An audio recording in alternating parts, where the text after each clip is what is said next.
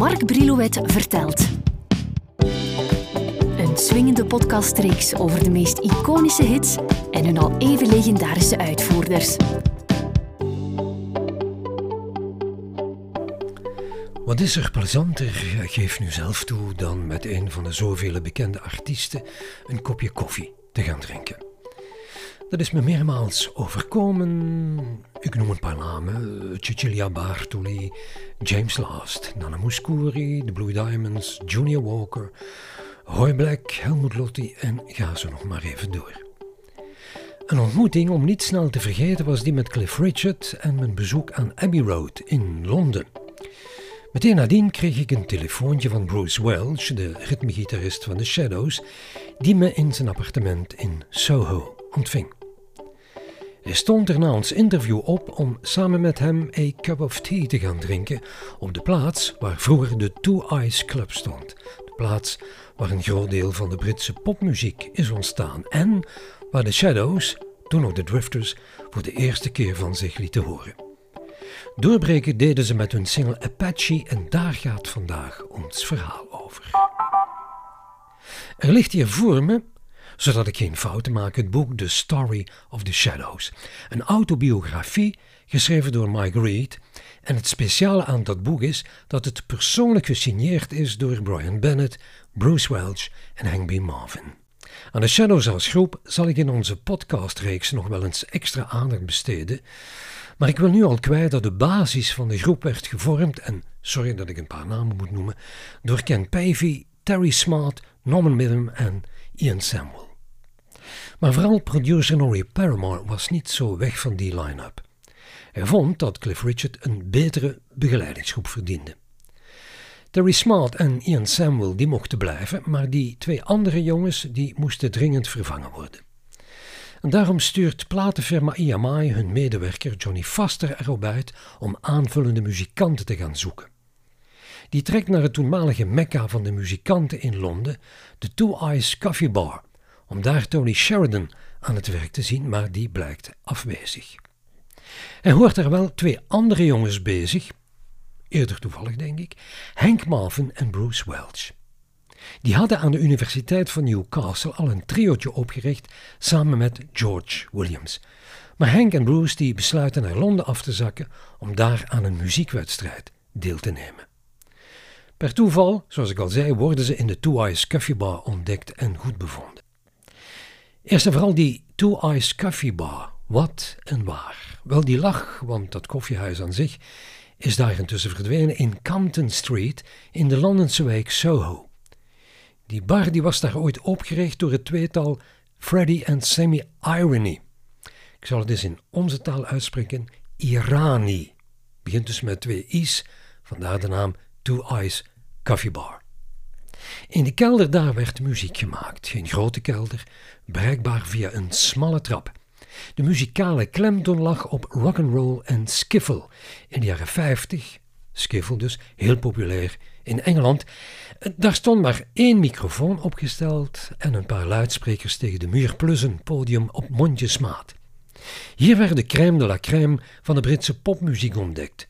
Tommy Steele, Adam Faith, Eden Kane, Lance Fortune, Johnny Kidd, Cliff Richard en ook Hank en Bruce, die zich snel zouden aansluiten bij de Drifters, die even snel van naam moesten veranderen, omdat er in Amerika al een groep met die naam bestond, en zodoende werden ze de Shadows.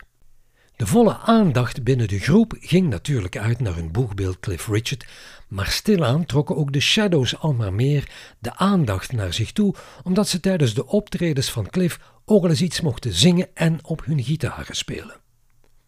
Wie daarbij meteen in het oog en vooral in het oorsprong was de geweldige leadgitarist Hank Marvin, die in 1959 van Cliff een gitaar cadeau kreeg, maar niet zomaar één, maar wel een Fender Stratocaster. Het echte verhaal wil dat hij die even leende en ze nadien nooit heeft teruggegeven. Op advies van collega Joe Brown gaat Henk tijdens zijn optredens gebruik maken van een versterker met echokamer en die combinatie van die gitaar en die versterker, de Vox AC30, zorgde voor het unieke geluid van de Shadows. Henk was in zijn tienerjaren in de verste verte niet met popmuziek bezig. Hij was geboeid door onder andere piano. Ging dat ook leren, maar hield dat niet lang vol. Hij hield ook van big bands zoals Glenn Miller en van de blues. Uh, en dus de skiffle sprak hem ook wel aan. Hij wou klarinet leren spelen omdat hij tuk was op jazz. Van een leraar op school koopt hij een goedkope banjo en leert erop tokkelen. Hij speelt samen met enkele jongens in een jazzorkestje en van een van hen leert hij een pak akkoorden. Dan komt hij terecht in een skiffelgroep waar hij dankzij een van de jongens gitaar leert spelen en de rest is geschiedenis. Dit is wat hij erover aan zijn vriend Graham Askins, een vriend van hem in Australië waar hij woont, vertelde. When skiffle came on the scene in about 1956 or 7 with Lonnie Donegan, he was in a sense commercializing that kind of American folk music. And around that time, I was already into New Orleans jazz, Chicago jazz. I really, and I wanted to play clarinet, couldn't afford a clarinet, nor would I, would I have, have afforded the lesson. So what I decided to do was. Uh, was just listen to it. And then one day at school, a teacher said to me, um, uh, our music teacher, after the music lesson, was talking about uh, my interest in jazz and, and that American music of that style. And he happened to mention that he had a banjo. My ears pricked up, and I said, Do you want to sell it? And he said, Well, actually, yes. He, he, he played piano, you see. So, anyway, he, I said, How much do you want? He said, Two pounds, ten shillings. I said, Done. But I can only pay you half crown a week. He said, No problem. And he brought it to school the next day. I uh, was fascinated by this instrument because to me that was the way into playing in a jazz band.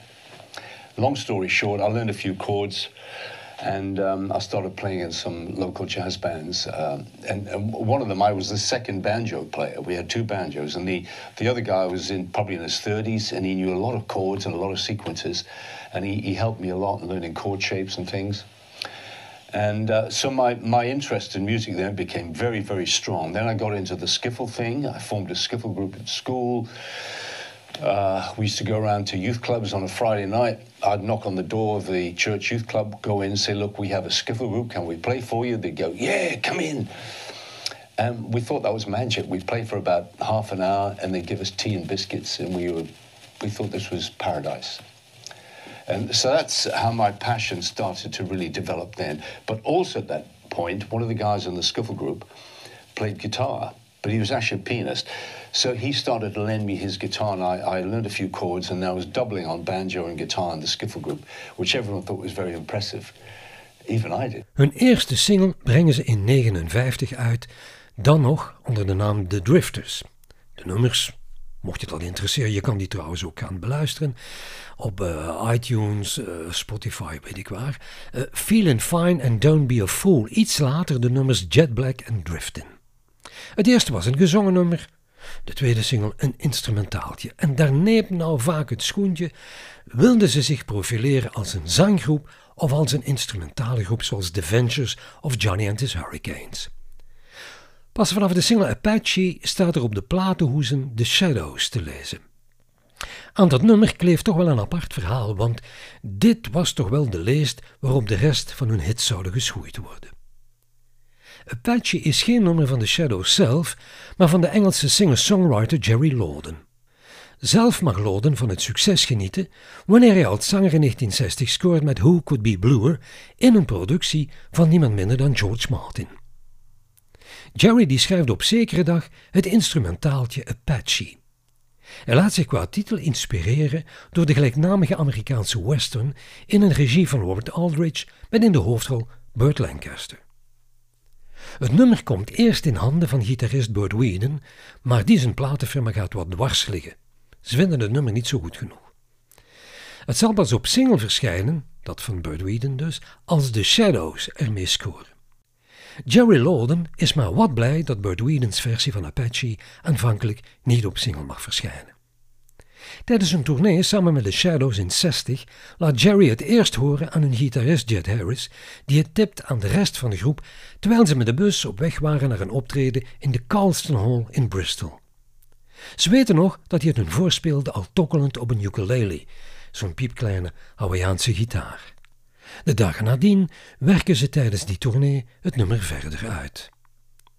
De Shadows trekken de 17 juni met dat nummer naar de EMI-studio, later bekend als de Abbey Road Studios, onder aanvoering van producer Norrie Paramore.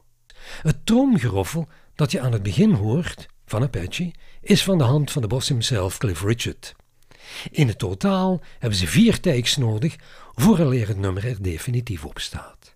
Maar het geeft altijd een extra dimensie wanneer de heren zelf mijn verhaal mogen aanvullen. Eerst Bruce, zoals hij het me vertelde toen hij bij hem in Londen op bezoek was. We were on tour in England about April of 1960 and we had a couple of guys on the we were on the coach, traveling on the coach to the next town wherever it was, you know, different place every night. And we had a friend who was a singer, singer-songwriter that was on the show. His name was Jerry Lorden. And we were playing guitars as we normally used to on, on the coach. And we were saying to Jerry, we don't know what to do now. We've had to, we've tried vocals, we've tried instrumentals. We need another single. We don't know what to do. And Jerry said, I've got a tune that you might, you know, you may like the tune. Uh, would you like to hear it? And we said, yeah, great. And uh, he went to the back of the coach and came. He used to write on a little ukulele. Do you know what a ukulele is? A small guitar. Like a, it's like a little banjo. Hawaiian guitar. Like a Hawaiian guitar, yeah, very small. And uh, he took this out and went jink, jink, jink, jink, jink, down, down, down, down, down, down, down, down. So the first time we heard Apache was on a, on a ukulele, and uh, that's how we heard it. And we went, oh, great, love, like it.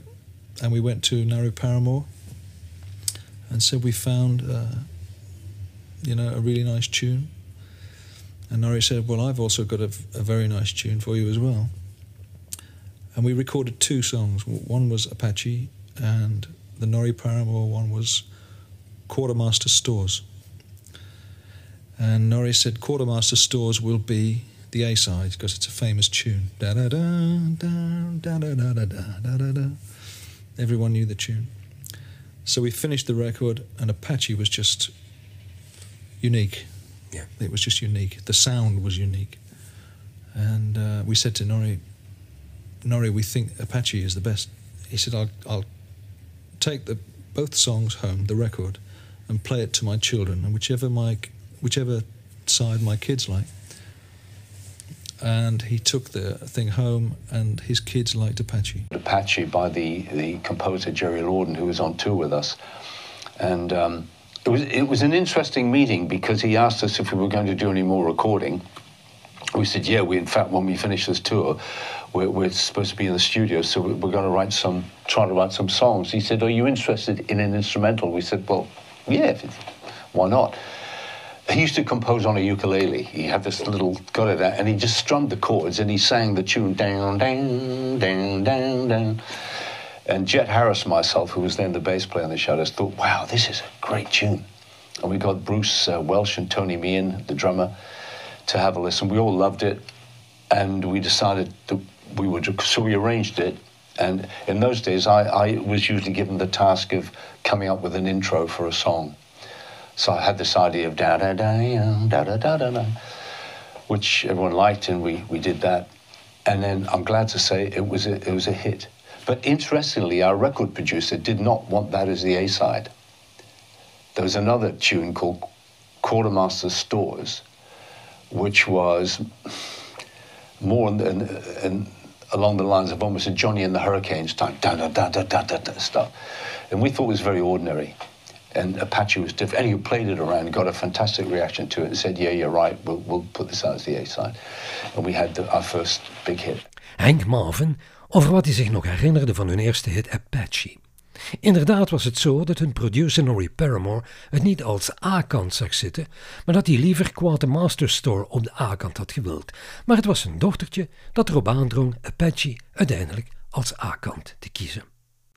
Vreemd, maar toch, nog de versie van The Shadows, nog die van Burt Whedon wordt een hit in Amerika. Daar is het succes voor Apache in 61 weggelegd voor de Deense gitarist Jurgen Ingman.